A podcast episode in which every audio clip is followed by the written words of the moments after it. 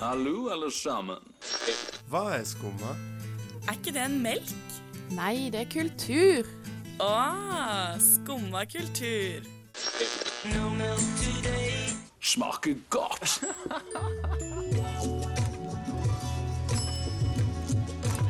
Hallo, frøken. Skal vi ta en dans? Hei og velkommen til Skumma kultur. Du hører på Studentradioen i Bergen. Mitt navn det er Ina, og med meg i dag så har jeg eh, to fine jenter. Det er Samantha og Mari. Hallo. Hei, hei. Hei, er dere klar for en eh, fullspekket uh, sending?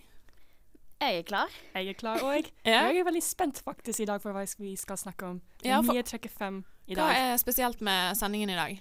I dag har vi en temasending om valgets kvaler. Mm. Eh, valgets kvaler er kanskje litt sånn rart tema, men eh, bare vent, eh, det, det blir bra. og Mari, hva, hva kan du eh, si at vi skal gjøre i dag? Jo, altså Vi får jo bl.a. besøk av SIB-psykolog Øystein eh, Sandven, eh, som jeg skal snakke litt om vanskelige valg eh, Mhm. og eh, sammenhengen mellom dem og psykiske lidelser.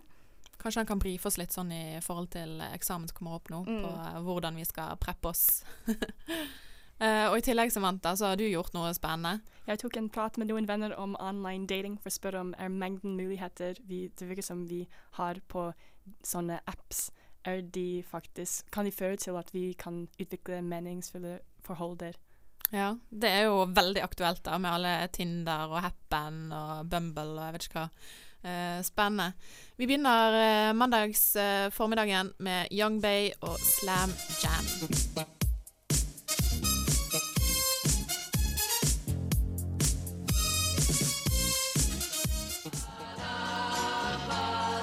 Monday, Monday, so good to me. Skumma kultur hver mandag på Studentradioen i Bergen.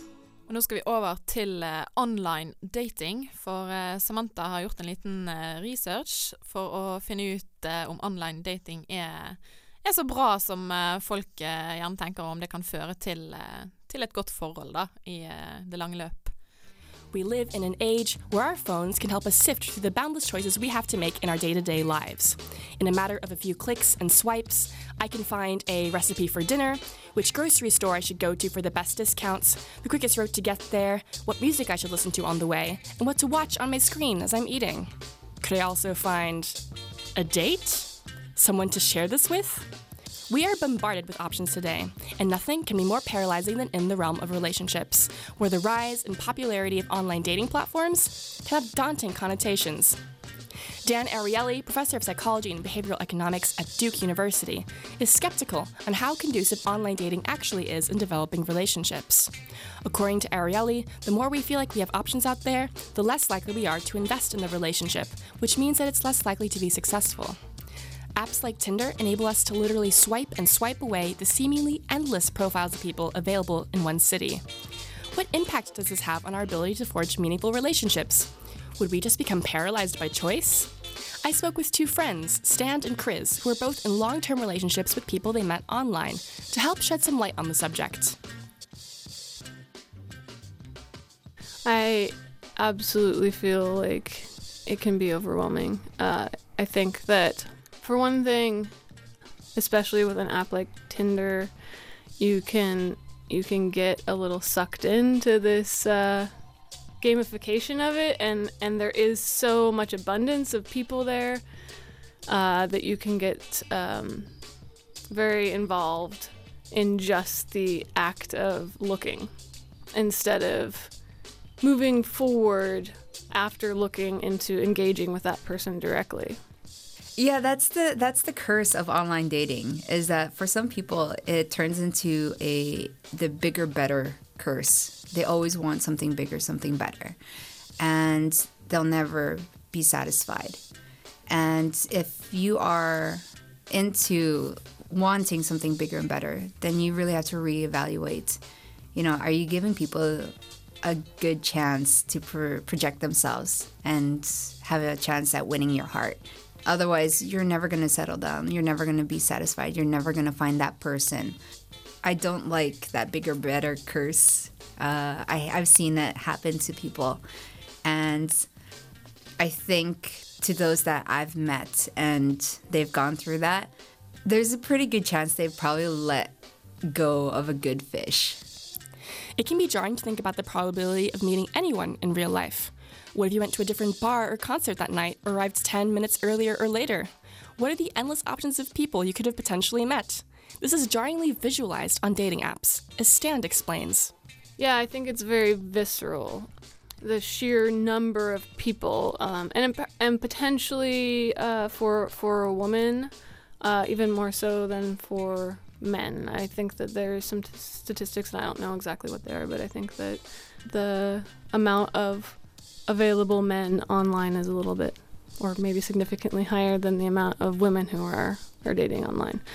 So um, I think that, yeah, my point is that it, that it can be really overwhelming to have a, a visual indication of just just how many people are out there, and of course you you could just so easily skip over someone who you might have a connection with, and that can feel I don't know if paralyzing is the right word, but it can feel like oh well, how do I make these choices? How do I make the right choice?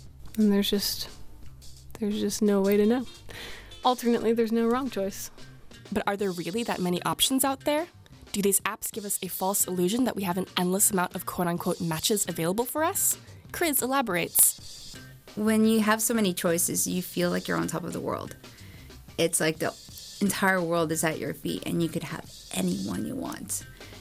But when you are honest with yourself, you realize you're in, take for example, a person here in Bergen.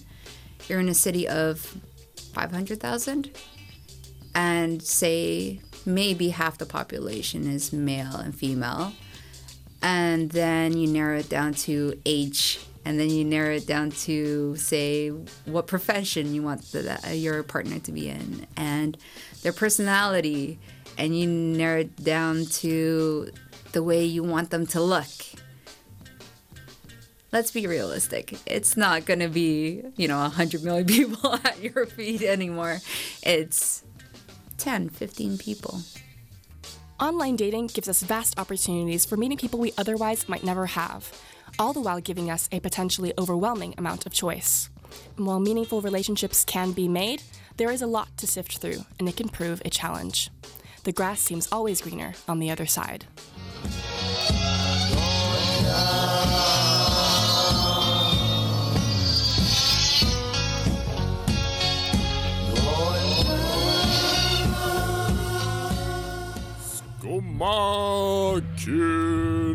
Kultur. Det var Mac DiMarco med Annie, og før det så hørte vi på Samantha sitt innslag om eh, online dating. For det at eh, vi har eh, temasending her på Skomakultur, hvor eh, temaet da er valgets kvaler. Og online dating den føler jeg liksom besvarer det temaet vanvittig bra, da. Eh, med at man har alle mulighetene på ulike plattformer, både mobil, nett, eh, virkelige liv òg, for så vidt. Men kanskje ikke så mange som dater i det virkelige livet, jeg vet ikke. Eh, men eh, ja, Samantha, hvordan, kom du opp med denne ideen om å snakke om online dating? Jeg ble veldig inspirert til å snakke og utdype online dating, fordi jeg holdt på med den fire tidligere i år, og jeg innså at hver gang det begynte å gå nedover, jeg ville begynne å sveipe igjen, for jeg møtte ham på Tinder.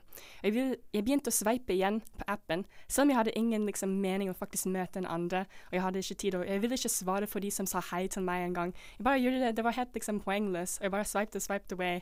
Så jeg tenkte liksom, hvorfor gjør jeg det? Er det bare en uh, ego boost, eller er det bare jeg vil ha den visuelle minnelse at det finnes flere ut der om det skulle feile, og det gjør det det. Uh, ja, forholdet varte ikke, men uh, ja, det Tror du det er fordi at du fortsatte å sveipe at ikke det fungerte, eller ville det ikke fungert? Jo, det ville, ville ikke ha fungert uansett, mm. men det var veldig interessant å tenke på um, at, at jeg sveipte, og, og bare ideen at det finnes mange andre muligheter ute, er ikke sunt for forholdet. Det kan, ja, det er i tvil om det kan føre til at du kan, vil faktisk um, utvikle og investere i det forholdet du er i. Mm. Ja, for det var jo det som på en måte var eh, litt greien her, da. Om eh, alle disse mulighetene innenfor online dating eh, gjør at man eh, ja, står litt sånn halvveis i et forhold og ikke, da, fordi man holder mulighetene åpne. Jeg føler jo at eh, ja, du holder mulighetene åpne, og at du tenker kanskje at det kan jo dukke opp noe mer interessant, så man forplikter seg ikke til én person, men man har liksom eh, mange baller i lufta samtidig. Er du den som eh, dater eh, vet ikke jeg, tre gutter på en gang, Mari? Nei, jeg vil ikke påstå det. Men du holder muligheten åpen? Ja. Har dere vært hektet på sveiping på sånne dating-apps før? Jeg har jo eh, Jeg har jo hatt Tinder, har ikke det nå lenger. Da måtte jeg vike for jeg hadde ikke er mer plass på telefonen. Men det har jo ofte skjedd at jeg bare går automatisk inn uten å tenke meg om, egentlig, og bare begynner å, å bare sveipe. Så eh, ja. Jeg er kanskje litt sånn motsatt, da, for jeg eh, har jo vært eh, innom Tinder, for all del. Eh, men nå har ikke jeg eh, hatt det på Ja, det nærmer seg i hvert fall åtte-ni måneder, kanskje. Og så i helgen så skjedde det meg litt, og da tenkte jeg ah, OK, jeg, eh, jeg lasta ned Tinder igjen, da. Og jeg gjorde det samme som deg, Mari. Du bare sitter og sveiper, liksom, uten mål og mening. Og bare sånn Men det er jo litt morsomt, for jeg tenker at det er jo Tinder sånn, det går jo veldig mye på førsteinntrykket. Eh, hva man får ut av eh, klær og det lille som står i bioen. Men det er litt morsomt å tenke på at du sitter der og dømmer folk og sveiper forbi når du mest sannsynlig ligger som et slakt på sofaen med dobbelthake og bare sveiper deg bortover. Absolutt. Det er sant. Dan Ariely, han, eh, psykologen, han mener også at, han, eh, at profiler på sånne dating-apps kan aldri faktisk reflektere hvordan et person kommer til å være i virkeligheten. Mm. For eksempel han sammenlignet en date med en, eh, en glass vin. Du kan drikke det, du kan smake på det, du kan, du kan kanskje kan ikke beskrive um, ingrediensen i det, men du kan bare vite liker du det eller ikke. Så hvordan skal vi beskrive den i en liksom, kort tekstboks og med noen bilder? sant? Det kan ikke fange en person. Nei, det er det samme. Uh, altså når du går på gaten da, og ser en, uh, en person som går forbi deg, så er det ikke sånn at på det lille sekundet så tenker du at åh, nei, han der kunne jeg aldri liksom vært sammen med, eller eh, han var kjempedigg. Det, det gjør man kanskje noen ganger, da. Men altså, det blir jo på en måte det samme, men samtidig ikke. For hvis du møter en på gaten eller ute, eller hva det måtte være, så får du pratet med han, sant. Eh, enten om du vil, eller ikke, i noen tilfeller. Eh, så får du i hvert fall et mer helhetlig inntrykk da, i måten de er på, måten de ter seg på, måten de snakker på, kler seg på, altså alt. Og på Tinder så får du jo ikke dette her, da. Nei, Eh. og du får så mange ulike opsjoner, slik at som Ariely mener at du har ulike standard, og du vil kanskje ignorere mange som du faktisk kunne ha hatt noe godt flyt med i samtalen hvis du hadde prøvd. Mm. Det er ganske skummelt å tenke på, egentlig. Det gir, gir man litt angst hvis man er glad. Jeg, jeg var mye på sånne apps før i tiden, men ikke, ikke så mye i det siste. Nei, jeg har ikke helt troen på online dating jeg heller, foreløpig. Men uh, kom til meg om ti år, så, så kanskje jeg blir det, jeg òg. Men som sagt, mine venner som jeg eh, hadde med i det innslaget, hun ene hun er forlovet med en nordmann hun møtte på OkCupid, og hun andre um, har vært med i en fra, hun møtte på Tinder i flere måneder. Så det kan funke. Det kan funke, absolutt. Det kan det. Men da må man være ekstra heldig, tenker jeg. Og begge, du, altså begge to må være like åpen for eh, et forhold fra Tinder, da. Uh, uansett, det er absolutt eh, mange muligheter vi har, og ja, kanskje det er på tide å date litt mer i virkeligheten, da, ikke bare online. uh, vi hører Hoggorm Safari med Under paraplyen.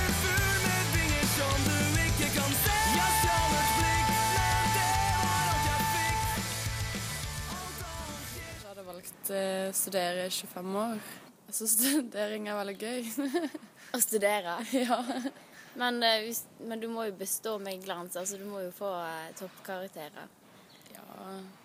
Men det er vel bedre enn å jobbe med noe man ikke liker resten av livet, da. Jeg tror jeg hadde studert lenge og måtte ha bestått med glans. Hvis det var en jobb som på en måte sikra eh, meg og min familie holdt jeg på å si, med inntekt og litt Eller hvis vi ser på inntekt, da. Ja, jeg regner med inntekt Du kan, er jo ha en god, eller du kan jo ha en jobb der du tjener mye, selv om du hater den jobben. Nei, det tror jeg ikke. Jeg tror faktisk at jeg hadde tatt en jobb som jeg ikke likte. Eller jeg hata. Fordi at man eh, Jeg er veldig flink til å lære meg å like ting jeg egentlig ikke liker. Så har jeg sikkert lært meg å like den jobben til slutt. Det er jo en fin egenskap. Det er ikke det? Eh, Jeg hadde tatt en jobb jeg ikke liker. Fordi jeg hadde ikke klart å sitte 25 år på skolebenken, og i hvert fall ikke fått A i 25 år. Det hadde vært helt krise. Så eh, jeg hadde gått for en jobb jeg ikke liker. Og så er Nei, men Du får jo ikke noe livskvalitet av å Du skal jobbe med det resten av livet, liksom. Du får ikke noe ja, men tenk, livskvalitet. så jævlig bra du har når du er ferdig på jobb. Jo, jo, men hvis du, hvis du er en bra jobb, og du liker det, så er jo eh, sannsynligvis undervi eller studiet også noe interessant som du liker. Ja, men du må jobbe hardt for å få A, da. Ja, men hvis, du virkelig, hvis det er en jobb du elsker, og hvis det er en virkelig drømmejobben, så vil du jo gjøre det bra òg. I stedet for at du sitter og okay, det sånn, i en Hvis du begynner eh, rett etter videregående, da er du 18-19, og så studerer du 25 år, så er jo halve livet ditt gått før du får jobbe i den jobben du elsker. Her har vi Ja, 45 år. Mine beste år, tror jeg. Og da er det perfekt til å bli eh, enhjørningsoppdretter. Hadde du med på fadderveko hvert år? Fadderuke hvert år. Årets høydepunkt hvert år. Jeg er 43 år gammel jævel som er med på fadderuka. Fadderuka? Ja, da får du fadderveka hvert år, ikke fem år. Ah, digg. Evig ung. Tenk så mye erfaring, da. Hvis en legende sånn det er fadder. Nei, det, det, det er vanskelig å Ja. Det er godt det bare er på liksom. Nå bare studerer vi til noe vi ikke liker. Dette var altså eh, Dilemma, som eh, Mari gikk rundt og spurte folk om i Nygårdsparken. Ja. Og hva var dilemmaet du spurte om, eh, Mari? Ja, det skulle vi kanskje sagt på forhånd, men eh, det var om eh, du hadde, Hvis du kunne velge mellom å måtte studere i, i 25 år for å få eh, drømmejobben og måtte bestå med glans, eller å ha en jobb du hater for resten av livet. Mm. Og det var jo delte meninger her, da. Der var det. Noen som ville lett ta en eh, jobb som de hatet, for å Mm. slippe da å studere sånn på toppnivå da, i 25 år. Mm. Eh, hva ville du gjort, eh, Samantha? Et veldig lett valg. Jeg ville studere i 25 år, slik at jeg kunne få en jobb jeg virkelig trives i. Ja. Hva med deg, Ina? Jeg har jo lyst til å si at jeg ville studert i 25 år, men tanken på å liksom sitte og faktisk nilese i 25 år, da, da går du glipp av hele livet ditt. For jeg eh, får ikke toppkarakterer sånn bare lett som ingenting. Da må jeg lese. Men samtidig så er jo den jobben du skal jobbe med for resten av livet ditt, og tar jo Ja. Men 25 år, altså Du begynner jo gjerne å studere når du er 20, 20, sant? ja. Da er du 45 år, Mm. og da kan du begynne på livet ditt. Nei. Men da kan ikke du date sånn siste, Samantha. Du kan jo date selv om du er student. ikke hvis du skal ha A på alle eksamener. Kanskje ikke. Men hva slags liv kommer du til å få hvis du har en jobb du hater? Du kan hvor mange år Da kan du ha et liv utenom jobben, tenker jeg. Ja, det er Du Vi skal leve for helgen. Men det høres ikke utrolig deprimerende ut. Jo, det høres veldig deprimerende ut, men eh, det gjør også 25 år inne på en lesesal. Så det er liksom Ja, valgets kvaler, da, som eh, er temaet vårt i dag. Mm. Det, hva er verst? Jeg fant det forresten inne på Dilemmakongen, eh, som er en sånn eh, side på Facebook der de legger ut masse sånne fæle dilemmaer. Så hvis folk har lyst inn og sjekke det ut. Sjekke eh, ja, hvilken uh, utrolige valg man eventuelt Ja, kan ta i fremtiden. mye. Så kan man forberede seg på Dilemmakongen. Det er sant. Vi hører Yesayer med I Am Chemistry. Og etterpå så skal vi ha psykolog Øystein Sandven på besøk.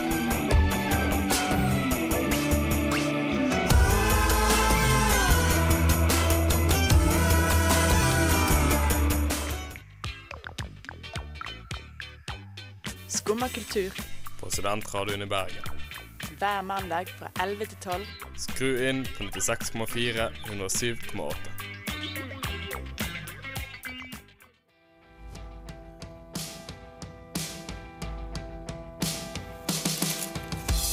Den skal ikke se meg når jeg nedfor. Alle gardiner er der for å bli trukket. vanskelig å lage den introen her til og med, for det er liksom perfeksjonisten i meg som bare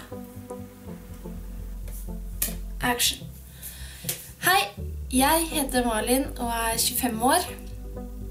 Jeg er i mine egne øyne en tekstforfatter som ikke kan skrive. Jeg er vel den klassiske flink pike-jenta som eh, skal liksom gjøre det best i alt. Spesielt da jeg gikk på studien og det på en måte var så høye krav da, på den tekstlinja. Hvor folk eh, var så innmari flinke. Og så gikk jeg skikkelig på veggen. Og da kom liksom alle problemene. Unge mennesker som sliter psykisk, er ikke noe nytt. Vi får stadig høre at mange sliter med alt fra angst og depresjon til trenings- og spiseforstyrrelser.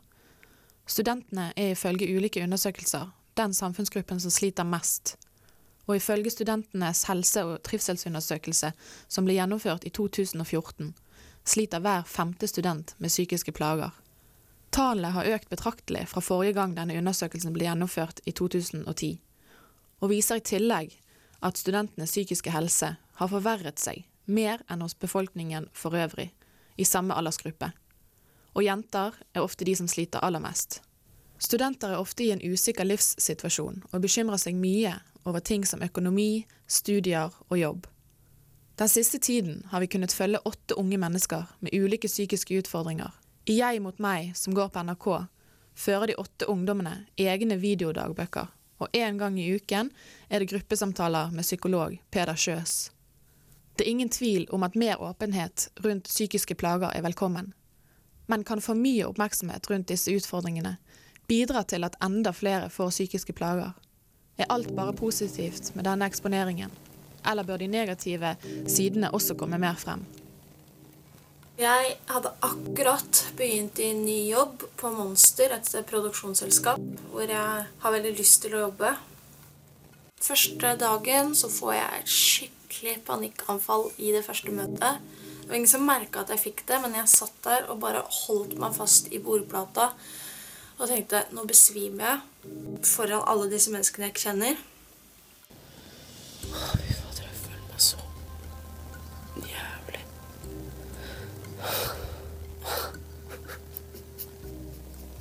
I stad ringte de fra produksjonsselskapet og spurte om jeg kunne presentere og spise, og det er egentlig bare superhyggelig. Komme på Frognerseteren, være der med redaksjonen hele dagen og virkelig liksom, ja blir tatt inn i varmen, men det er sånn å drive overbevise om at jeg er bra nok når jeg føler meg så ræva. Og så dritt og så dårlig. Jeg føler at jeg ikke klarer noe. Jeg føler at jeg ikke er flink nok. Jeg føler bare alt. Føles som jeg er i helvete. Styggen på ryggen har blitt en av mine nærmeste. På skulderen min og binder meg på. Jeg lar skeis der livet. Eh, dette var altså Jeg mot meg-serien, da. En liten intro til det vi skal prate om etter eh, svømmebasseng med Følger deg hjem. For da eh, skal vi prate med psykolog Øystein Sandven om eh, valgets kvaler og ung, eh, ung psykisk helse, da. Først svømmebasseng.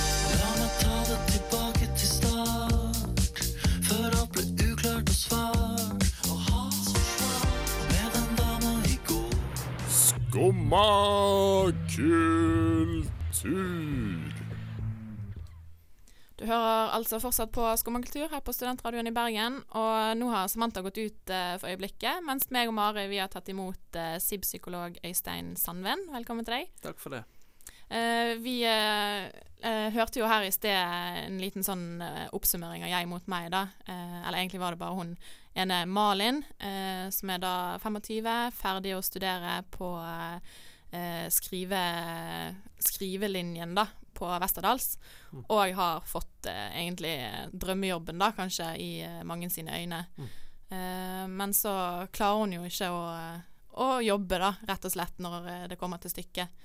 Tror du det er mange som, som har det sånn eh, når de skal over i, i, i arbeidslivet, eller?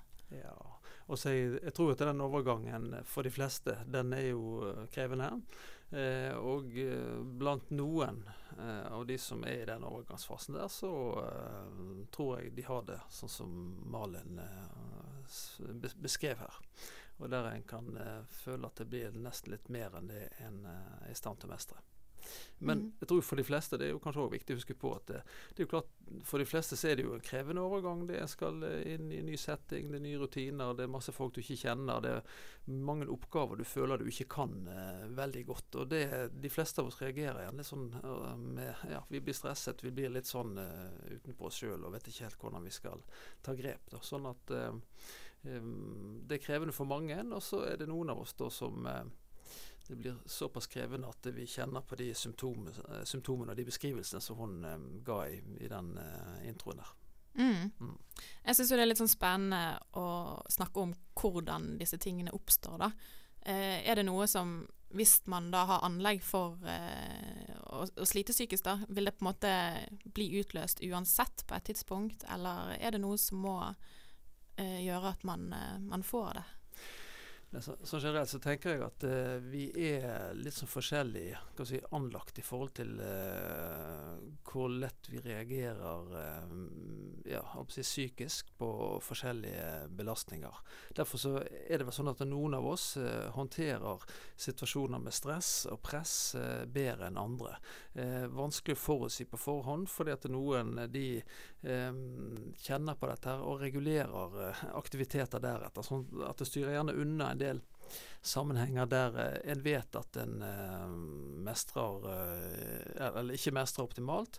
Mens andre de kan jo komme litt sånn uforvarende opp i dette. Sant? Og um, ikke helt ha avklart uh, med seg sjøl hvordan, hvordan en håndterer ulike situasjoner. Uh, og da blir det jo lett uh, litt sånn som beskrevet her. I Mm. verste fall, i hvert fall. Mm. Hun beskrev jo seg sjøl som den typiske flink pike. da At Mm. man gjerne gjør for mye og setter for høye krav til seg sjøl. Ja. Eh, tror du det òg er, er noe sånn spesielt for da jenter i forhold til gutter, at vi, vi setter større press på oss sjøl? Ja, vi eh, altså, innenfor liksom Fra vårt ståsted, eh, innenfor det som vi ser i jobben vår, så tror vi kanskje det også. Selv om det, jeg skal alltid være litt, litt forsiktig med å generalisere, da. Men eh, tror vel at uh, generelt så uh, legger mange studenter listen for høyt. Og kanskje jenter noen ganger gjør det i enda større grad enn gutter, ja. Mm. Men uh, hun sa jo Malin her på det innslaget at hun også ble veldig stressa for ting som egentlig var bare hyggelige. Mm. Eh, og jeg lurer på, selv om du ikke har Jeg vet ikke om det kommer av press òg, når det er noe du skal gjøre som egentlig er ganske kanskje avslappende og bare hyggelig. Jeg tenker at eh, det som eh, sett fra utsiden ser hyggelig ut, det kan eh, for en enkeltperson fortone seg som et svært prosjekt, og som noe som skal mestre, noe som skal håndtere, noe som skal gi bestemte inntrykk eller signaler ut i forhold til. Altså det, det er jo mange som eh, reagerer med angstanfall på invitasjoner til bursdagsselskaper eller, eh, eller ja, invitasjoner til å gjøre sosiale ting, f.eks. Og det, det trenger ikke ligge noe annet i det enn en at det er hyggelig samvær. Men det kan for noen bli, bli eh, ja, en situasjon der en skal eh, fremstå på bestemte måter. En skal eh, ja, på en måte prestere. Da. Mm. Eh, og da eh, får en jo gjerne eh, reaksjoner som eh, ja, med angst. Da. Mm. Og at eh, man faller på. Mm. Eh, vi skal eh, høre litt musikk, og så skal vi prate litt mer med deg, eh, Øystein, eh, etterpå. Og da kanskje litt mer sånn spesielt om eh, alle valgene man må ta da, som, Mm. eh, som student. Her får du eh, Kai eh, Straw med 'Don't Tread On Me'. Used to walk around needy for love, giving it up like a thief in the cup. Try to hide it like weed in the trunk. I'm living it up, don't judge me, play. Vi er fortsatt eh, her med psykolog eh, Øystein Sandven. Eh, I sted så snakket vi litt om jeg mot meg og Malin og flink pike og sånt, og nå tenkte vi at vi skulle ta det litt mer igjen til temaet vi har for sendingen, da, som er valgets kvaler.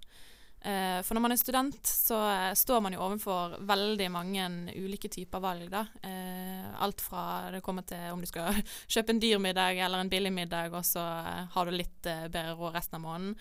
Eller om hvilke fag du skal velge da, fremfor andre for å på en måte nå eh, målet om eventuelt jobb da, i fremtiden.